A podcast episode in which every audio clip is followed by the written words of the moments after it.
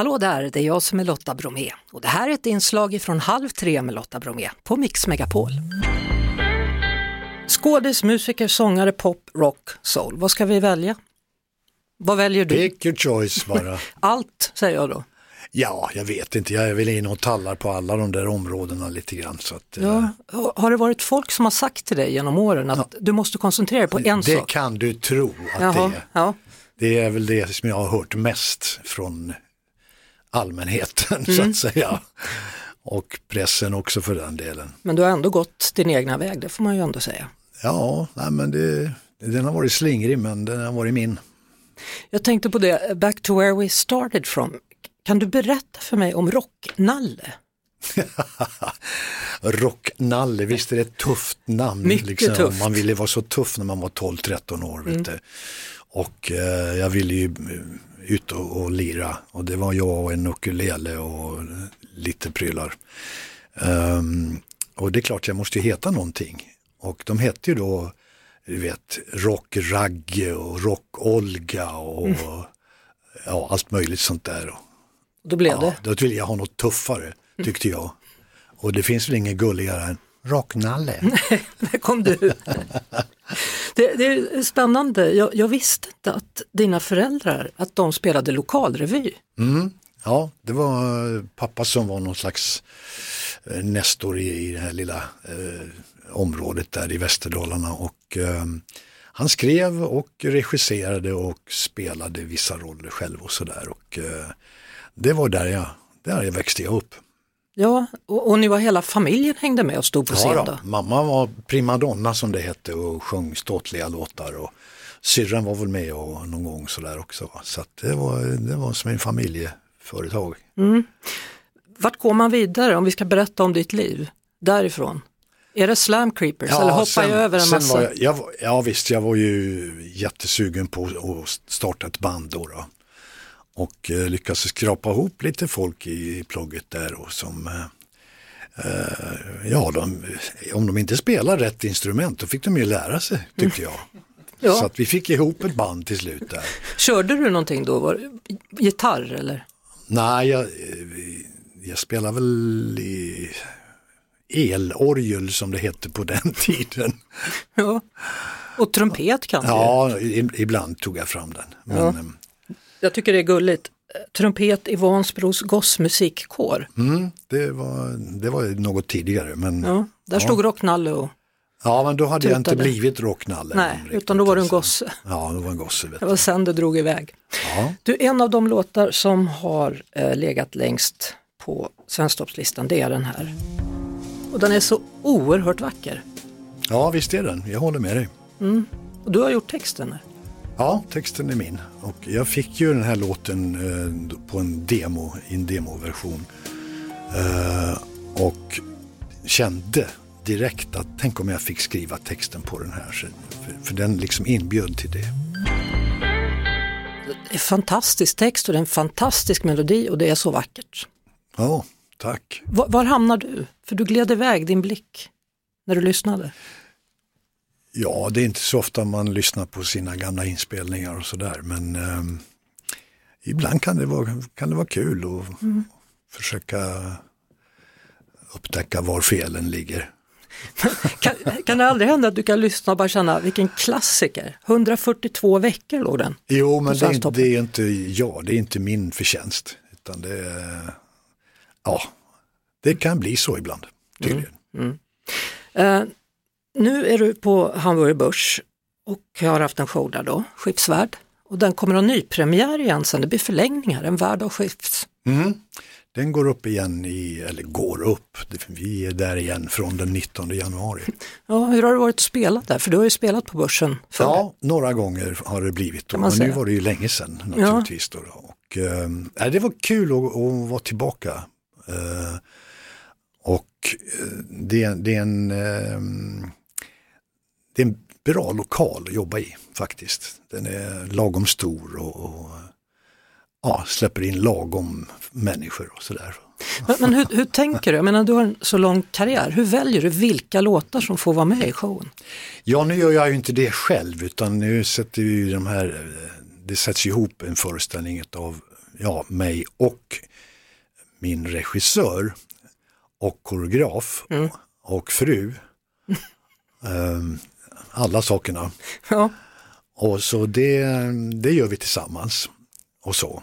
Och hur man väljer det, ja, det beror på hur, hur, vad det känns för vad det ska bli för typ av, av föreställning. Så att säga. Om det är eh, bara lustifikationer och drag och sådär eller om det ska vara lite allvar. Och, eh, ja, det är lite olika.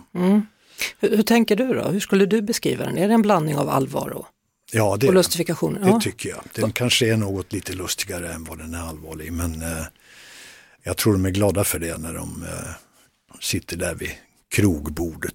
ja, annars, eh, alltså 75 år har du hunnit bli. Ja, Man tror ju inte det när man träffar dig, för du ser ut som du är 59. vad, vad, vill, vad vill du ha? Ja, du kan få vara 48 om du hellre vill det. Men, nej, men Nej, alltså, men, hur, eh, hur håller du dig så ung människa? Ja, det måste vara gener. Jag gör ingenting. Nej, Nej, jag är, jag är rätt slapp för övrigt. men, men hur tänker du liksom? 75 år, show på, på börsen. Tänker du, Ja. liksom, hur ser du när du tittar in i framtiden? Nej, jag ser eh, några av mina gamla favoriter i, i, inom musiken i Sverige när de eh, var i full gång när de var 85. Och eh, det funkar fortfarande. Och eh, då tyckte jag att herregud, jag ska inte pensionera mig igen. Det ska jag inte göra. Jag har halvt pensionerat mig genom att dra ner på antal liksom, föreställningar och jobb och sånt där under ett år. Jag, jag hugger ju inte på allt som jag gjorde förr och sådär, utan jag tar lite cool. Många tänker varje år att så mycket bättre, nu kommer han väl snart, Björn Skifs. Mm. Får vi någonsin se det tror du? Jag har ingen aning. Vi får se hur det känns och om de... Hur, ma- hur många gånger har du tackat nej då? Ja, det vet jag inte. Nej, riktigt 20 och kanske? Nej, det tror jag ändå inte. Men eh, jag undrar om de inte har tröttnat på mig nu. Jag tror inte de ringer på... Nej, För att? nej, jag, jag, jag, de, de tycker att jag har blivit en tjurig gubbe. Ah. Jo, det tror jag. Jaha. Men du är inte speciellt tjurig tycker du? Nej, ja, i vissa fall kan jag ju vara det. I det här fall är fallet det? till exempel. I det fallet ja. Ja, Men, men nu låter det ändå som du gläntar lite på dörren. ja, men det har jag egentligen gjort för mig själv i alla fall hela tiden. För det finns ju någonting bra med det där programmet och det där konceptet framförallt med att artister tolkar andra artisters låtar eh, och gör dem till sina. Ja. Det, det, tycker jag, det, det tycker jag är en strålande idé egentligen. Ja.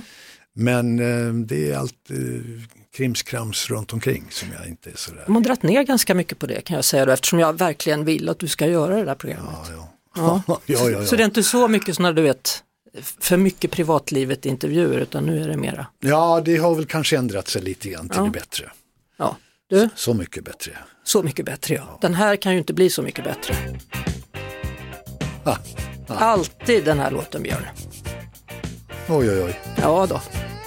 Hur bra som helst. Jag älskar ju de här låtarna. Ja, jag, jag får väl säga att jag har ju jag har ju de här låtarna att tacka för mycket. Det har jag ju. Sen, Mm. sen hur förtjust jag blir när jag hör dem, det vet jag inte. Nej, Men ehm, får du glädjas åt att andra blir ja, mycket förtjusta. ja, absolut, det kan man göra. Du, vad gör du när du inte sjunger?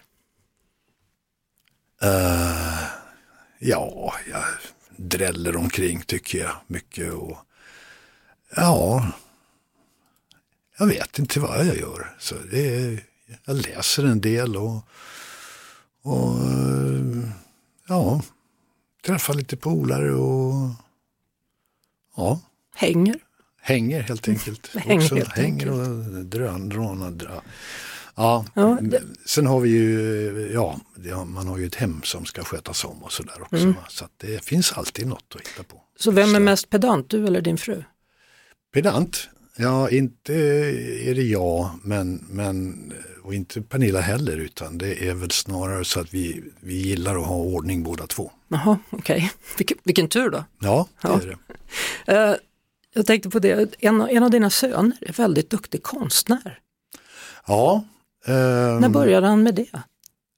Ja, det har varit en lång och krokig väg. Han började, ehm, han har alltid skapat grejer, alltså knycklat ihop saker så att det ser ut som något annat. Ja, men han har en fantastisk fantasi mm. och alltid varit, eh, han har alltid tecknat från det han kunde hålla i en penna överhuvudtaget. Och, och sen så småningom så eh, kom han via sån här rollspel, sån här live, kom han då i, i eh, kontakt med ja, den här Sagan om ringen-folket bland annat. Då, mm. Och han började göra sina egna rustningar och sånt där och började jobba med läder. Ja, Oliver pratar vi om här. Ja, Oliver pratar vi om. Ja. Och eh, han blev väldigt duktig på det där och fick till det på ett jäkla mysigt sätt och sådär. Så att, um, um, och sen Sen, sen började han kombinera det där eh, själv då med, med både målandet, ritandet, tecknandet och det här skapandet i läder. Så han gör tavlor i läder. Ja, det är otroligt annorlunda. Ja, ja det, är, det, är, lite eget, det är det verkligen. Alltså. Ja. Så att, eh, ja, jag, är, jag är så stolt. Förstås. Ja. förstås. Och, och din andra son? Ja, nej men han är ju kreativ på sitt sätt eh, och sådär. Han är eh, animatör. 3D-animatör. Eh, så han skapar på sitt sätt med hjälp av maskinerna. Ja. Vem, vem, är det som är så bra? Var har de fått generna därifrån då? Med att rita? Och... Är det du? Kan du Nej, rita? Nej, inte något vidare. Min pappa var ganska duktig på att rita och måla och sådär. Aha. Och eh, hittade på mycket eh, mönster och sånt där till ryamattor som han sen knöt till mamma. Jaha, ja. det var speciellt. Du, det är juletider och eh, självklart har du också gjort det, julkalender, kommer du ihåg det? 78, Julius julskötare. Ja, jag kommer ihåg det där. ja, ja. Hur, hur, var det med lucköppning och allt? Ja, det var lite rörigt. Vi hade ju byggt upp en, en sån där kalender i, i eh, omänsklig storlek. Så mm. vi liksom stod i fönstren och öppnade luckor och sådär, vi som var med där. Ja, det var rörigt, kommer jag ihåg. Mm. Du, det finns alltså en chans för de som längtar efter att se det på scen igen då, En värld av skift går upp igen då den 19 januari. Men nu önskar jag dig en härlig julledighet. Ja men tack så mycket, det, det är rätt skönt att ha en andhämtning som det heter nu då. Så, sen mm. kör vi då i en sju, åtta veckor eh, nästa år, i början på nästa år. Och det blir också kul att träffa ensemblen igen. Och, ja. Mm. Tack för att du kom hit Björn Skifs. Tack för att jag fick komma. Vi hörs såklart på Mix Megapol varje eftermiddag vid halv tre. Ett poddtips från Podplay. I fallen jag aldrig glömmer djupdyker Hasse Aro i arbetet bakom några av Sveriges mest uppseendeväckande brottsutredningar. Går vi in med hemlig telefonavlyssning och, och då upplever vi att vi får en total förändring av hans beteende. Vad är det som händer nu? Vem är det som läcker? Och så säger han att jag är kriminell, jag har varit kriminell i hela mitt liv men att mörda ett barn, där går min gräns. Nya säsongen av Fallen jag aldrig glömmer på Podplay.